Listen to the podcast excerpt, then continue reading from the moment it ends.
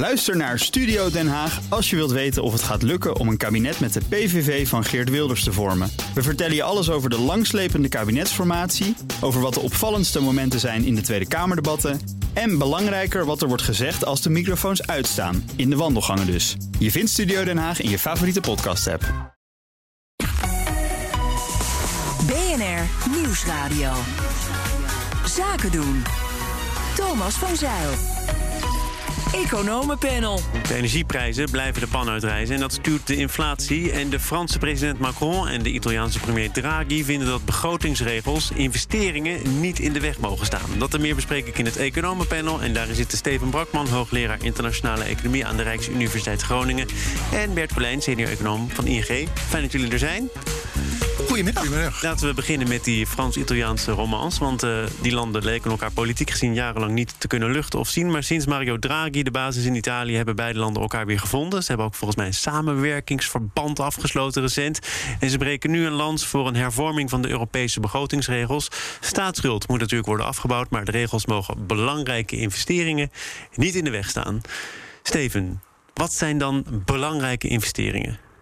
Nou, kijk, wat zij willen is afschaffen van die begrotingsregels uh, van het uh, Groei- en Stabiliteitspact. Dat willen ze en dat willen ze al jaren. Dus dat ze elkaar nu gevonden hebben, dat is op zich interessant. Hè. Ze hebben vorige week een ingezonde brief geschreven in de Financial Times.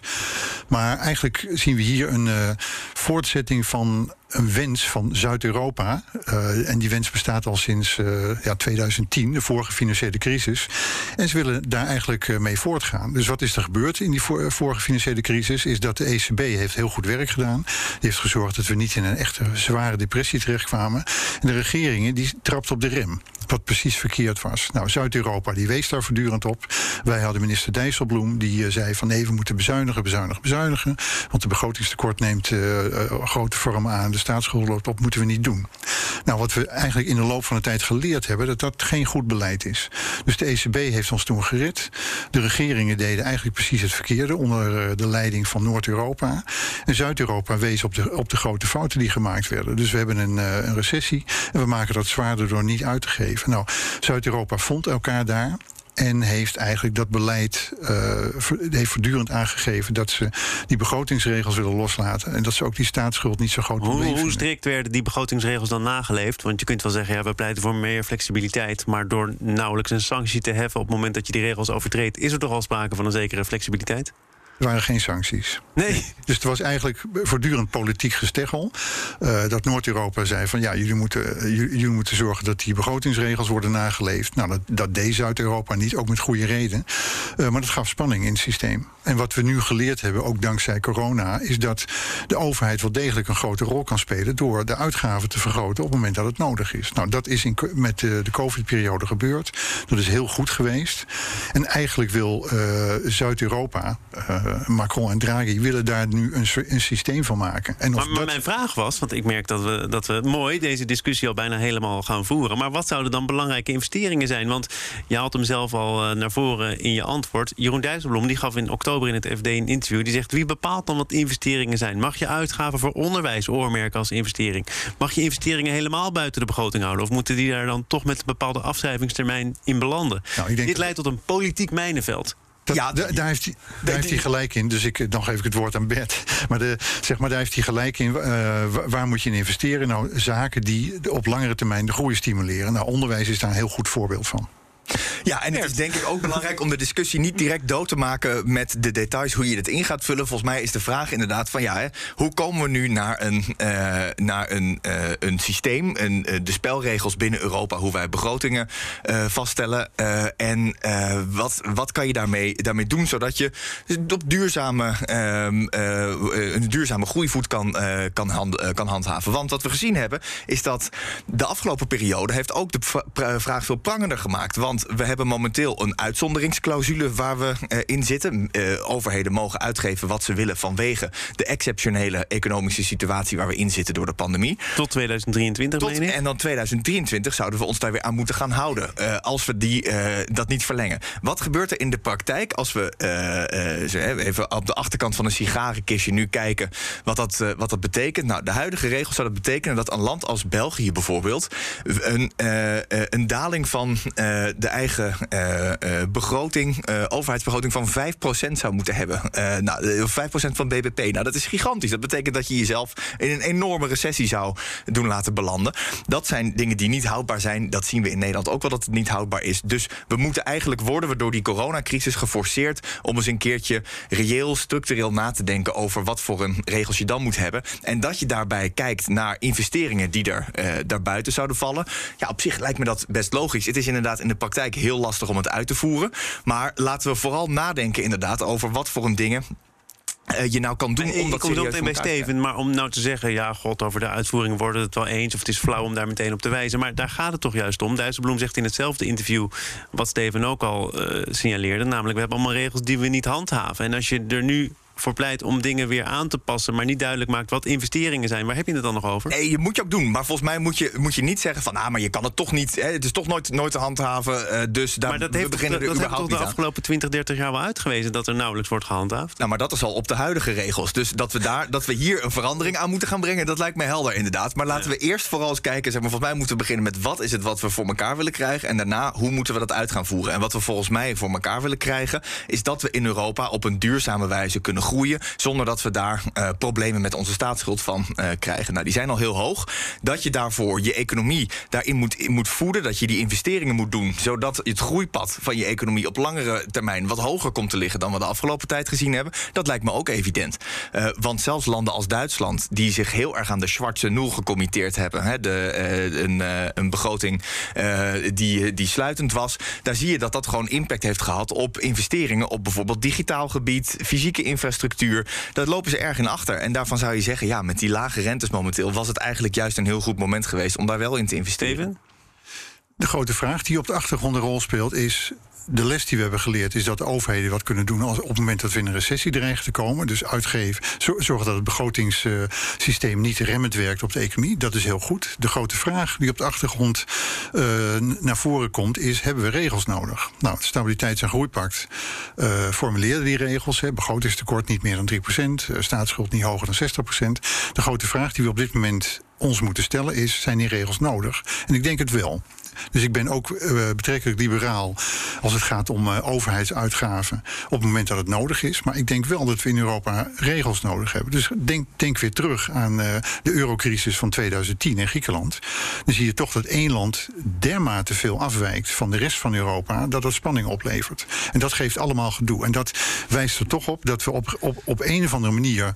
Ja, we zitten nou eenmaal met een aantal landen in Europa, een aantal landen in het eurogebied.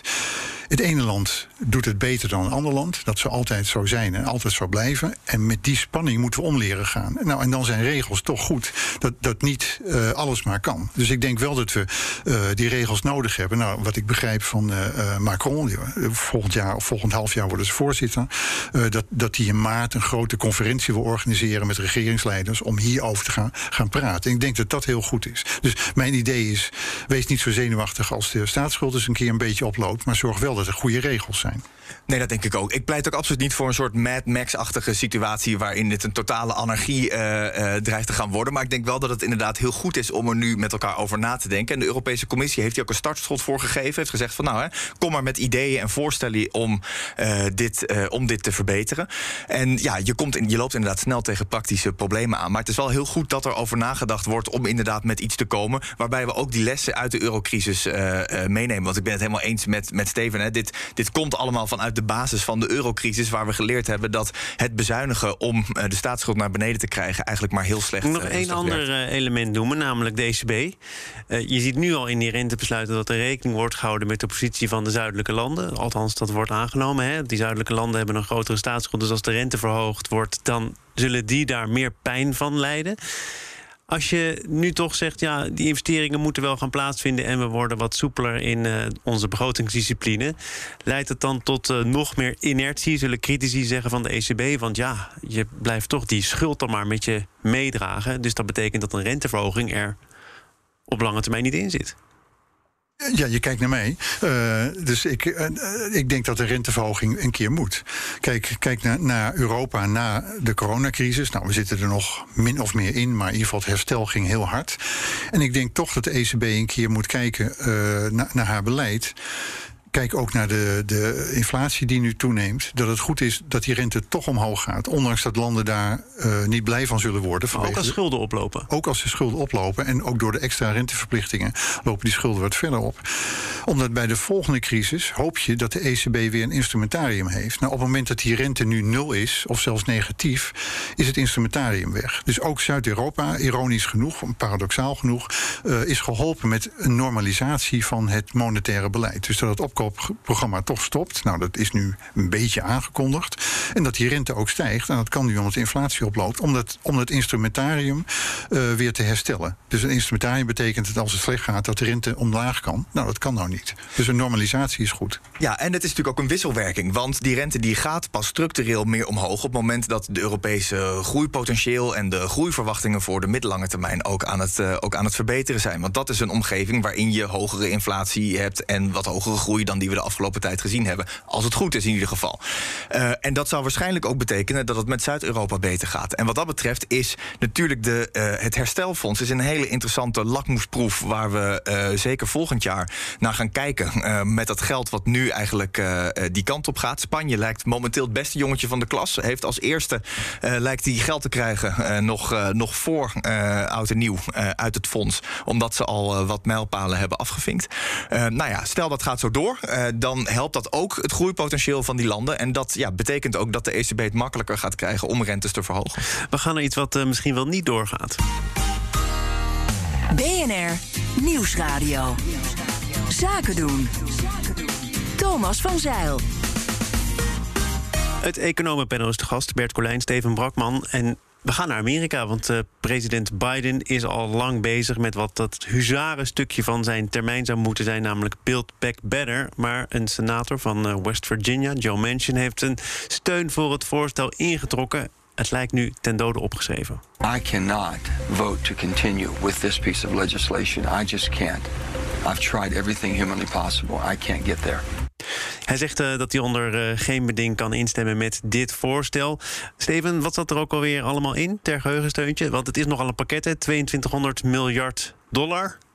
Ja, er zit, er zit heel veel in infrastructurele uh, investeringen. Maar wat, waar het Biden in feite om gaat, is uh, het sociale programma in Amerika een nieuwe zet te geven. Dus dat hebben we gezien met Johnson hè, in de jaren 60. En eigenlijk wil hij een soort tweede Johnson worden. Met een groot nieuw sociaal programma om de armoede in Amerika te bestrijden. Dus dat betreft uh, ja, subsidies of vouchers om naar school te kunnen. Hè, studiebeurzen, basisschool voor iedereen, kinderopvang. Dus een echt een groot programma om armoede te voorkomen. En dat is wat hij wil. En vandaar dat ook de Democraten zo enorm teleurgesteld zijn in deze senator, demo, democratische senator. Met een open uitnodiging om zich aan te sluiten bij de Republikeinen? Dat wel? Ja, maar goed, in ieder geval, hij, hij ligt nu dwars.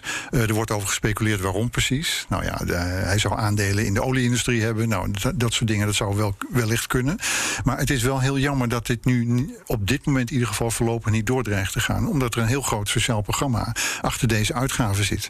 En wat nou, Bert net ook. wijst die volgens mij, uh, want die aandelen in de olieindustrie, die complottheorieën heb ik ook gelezen. Maar formeel wijst hij op een oplopende staatsschuld en een inflatie. En de mensen in zijn staat hebben al last van oplopende prijzen. Dus die kunnen die inflatie er echt niet bij hebben. Nee, dit is echt onzin. Je kunt uh, de investeringen die hem voor ogen staan, die zullen het groeipotentieel van de Verenigde Staten uh, vergroten. Dus dat is eigenlijk ook een inverdieneffect. Het woord is heel riskant, maar dat is een, uh, een inverdieneffect. En wat hij niet noemt, is dat het een, best een groot bedrag is, maar ten opzichte van de Amerikaanse BNP heel klein. En het is ook uit, of uitgesmeerd over tien jaar. Dus ja. eigenlijk stelt het helemaal niks voor. Nee, ten opzichte van, het, van bijvoorbeeld het, de, de corona-herstelprogramma's die door Trump eerst en daarna Biden zijn uh, aan begin dit jaar zijn, uh, zijn afgekondigd. Is dit, is dit peanuts op de impact die het op de economie heeft? In ieder geval op korte termijn. Um, en het is inderdaad, hè, het, het, plan hiermee is om de VS toch een beetje Europeeser te maken. Is het natuurlijk eigenlijk. Hè? De dingen zoals kinderopvang breder toegankelijk maken, gratis basisschool zijn natuurlijk allemaal dingen die veel meer ja, een beetje de, de sociaal-democratische kant op gaan. En dat is in de VS is dat natuurlijk, nou, zeker de afgelopen decennia, juist eerder uitgekleed steeds dan, dan erbij gekomen. Als je kijkt naar het arbeidspotentieel in de VS, dan is dat de afgelopen tijd aan het dalen. En zie je ook dat er veel mensen die juist in prime age zijn, zoals we het daar noemen, in de bloei van hun leven tussen de 25 en 54, dat juist daar de deelname aan het arbeidsproces aan het dalen is. De Great Resignation wordt het volgens mij Dat is nu dan heel erg relevant, maar het speelt al jaren langer dat dat het geval is. En dit zou juist een plan zijn waarmee je inderdaad meer mensen bij kan, mee kan laten doen. Dus wat dat betreft, ja, denk ik dat de meeste economen hier wel van, van dat gedeelte in ieder geval zeggen. Dat gaat helpen om je potentieel te verbeteren. Maar er zijn toch ook veel economen, ook eh, met een democratische kleur, die hebben gezegd: ja, luister eens, eh, Joe Biden, je geeft wel heel veel geld uit. Natuurlijk voor een deel gerelateerd aan corona, maar toch ook als je kijkt naar alle plannen, dan eh, mag de rekening fors oplopen. En dat kan leiden tot oververhitting. Ja, nou, dat, dat is natuurlijk zo. En dat, de, de vraag is dan van... Steven al nee schudden, maar nou, goed. Ja, maar dat, dat zit hem vooral in het, in het hele sterke uh, corona-herstelfonds... of uh, de corona-herstelplan wat er uh, aan het begin van dit jaar uitgekeerd is... waarbij mensen cash op hun rekening gekregen hebben. Dit plan en ook het infrastructuurplan wat er wel doorgegaan is... Hè, dat de VS eindelijk is die slechte infrastructuur van ze aan gaat Daar is wel behoorlijk wat van afgeschraapt ondertussen. Ja, ja, zo gaat dat natuurlijk uiteindelijk. Maar goed, hè, er is in ieder geval, er gaat geld naartoe. Dat zijn plannen die voor de middellange termijn gelden. Dat begint pas volgens mij zelfs uh, niet eens dit jaar dat er aan gewerkt gaat worden. Dus dat, de, de echte inflatoire impact, daarvan valt, valt best wel mee. Uh, en goed, de Fed is inmiddels op de rem aan het trappen om de economie daarbij niet te laten oververhitten. Voor de middellange termijn zijn het slimme plannen. Ja, Steven, want nou ja, het, inflatie... woord oververhitting had ik niet moeten noemen. Nee, kijk, de inflatie, als je teruggaat naar de jaren 80 van de vorige eeuw... dan was die inflatie veel hoger. Dat, dat zweefde toen rond de 10% En met heel veel moeite heeft, uh, is dat toen teruggebracht naar 4. Dat is het niveau waar we nu op zitten. Toen was men heel tevreden met 4% inflatie. Uh, nu, nu, is dat ineens een groot probleem. Dus ik denk niet dat dat, dat een issue is. Maar het, het grote punt hier is dat, dat Biden echt de arbeidsproductiviteit wil verhogen. Dus ook de, ondanks de, de Great Resignation... dus die uh, terugtrekken van de arbeidsmarkt... wil je eigenlijk het groeipotentieel van de Amerikaanse economie op, op peil houden. door middel van een vergroting van, de, van de, de arbeidsproductiviteit. En scholing is daar een belangrijke factor in. Dus economen zijn het vaak niet eens. Maar over één ding wel: dat is het effect van scholing. Dus eh, scholing, uh, het effect daarvan is altijd positief. Dus iedereen die er goed naar gekeken heeft, die, die concludeert dat uh, het verhogen van de arbeidsproductiviteit eigenlijk altijd goed is voor een economie. En in dit geval wil Biden daar veel aan doen. In ieder geval in, voor Amerikaanse begrippen wil hij daar veel aan doen. En het is ook heel jammer dat het niet lukt. Maar als dit plan er uh, misschien toch doorheen komt, stukje bij beetje, zoals nu wel wordt gesuggereerd, en misschien met iets minder geld, maar toch ook opgeknipt in uh, wat kortere, kleinere projecten, dan zou het misschien toch nog wel hetzelfde effect kunnen sorteren? Ja, ik geloof dat dat nu het uh, politieke spel in Amerika is. Dat uh, Biden denkt van, nou ja, dit, dit hele pakket dat lukt niet in één keer. Hè. Die, uh, die, die, senator die ligt dwars. Dus laten we het opknippen in kleine stukjes, kijken of dat lukt. Maar goed, dat is minder mooi. Ik kan me voorstellen, de politicus Biden...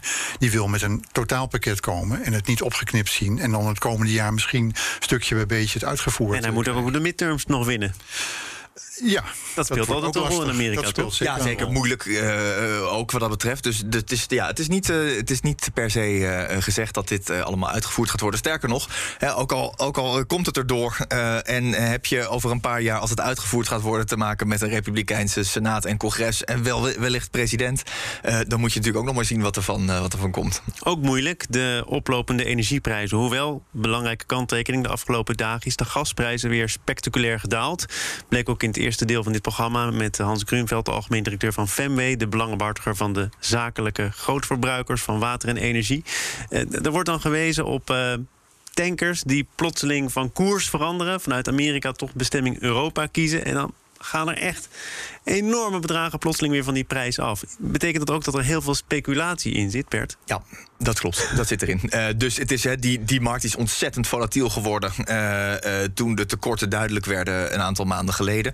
en we zien dat dat nu echt zijn, zijn hoogtepunt wel bereikt met echt gigantische sprongen in die, in die prijzen. De volatiliteit bereikt zijn hoogtepunt. Ja, de prijzen ook. Precies. Nou, prijzen hebben we natuurlijk ook gezien. Ja, hè, de denk, je dat we, denk je dat we de top hebben gezien? Eh, geen idee. Uh, dat is, uh, daar ben ik geen, uh, geen expert op. En ik denk dat je voornamelijk, als je kijkt naar het speelveld waar we momenteel mee te maken hebben, wat ook natuurlijk erg geopolitiek is, ehm, met een winter die eraan komt waarvan je niet weet hoe, hoeveel gas je precies nodig gaat hebben, hoe, hoe koud het daadwerkelijk gaat worden. Niet. Nee. Ik ook niet. Nee, precies. nou ja. dus, dus als we dit zouden weten, dan zouden we ook kunnen voorspellen of er een Elfstedentocht zou komen. En dat zouden de luisteraars misschien veel interessanter vinden.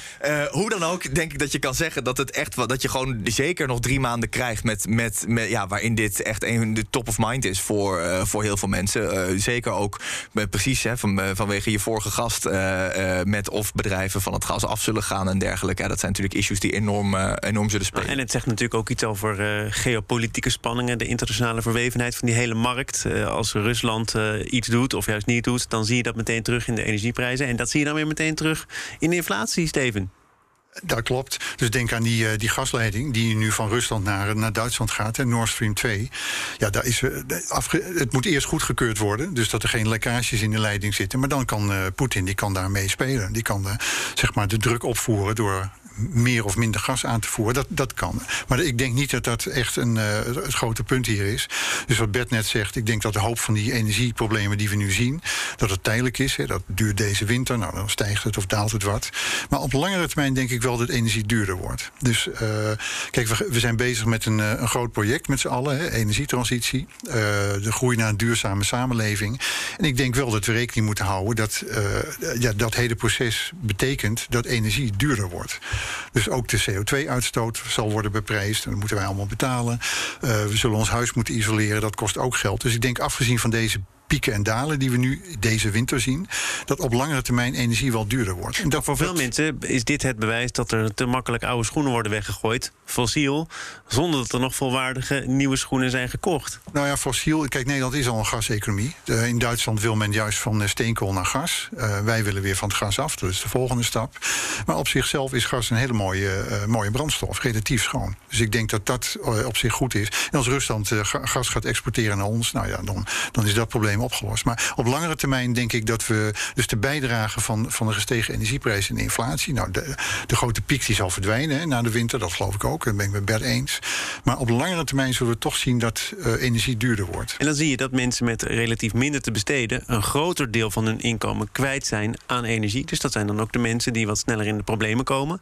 Uh, moeten die dan gecompenseerd worden op een manier zoals dat nu wordt voorgesteld? Want nu krijgt iedereen 400 euro compensatie, meen ik. Maar is er sinds vorige week bekend dat mensen met een kleinere beurs nog weer een extra compensatie krijgen.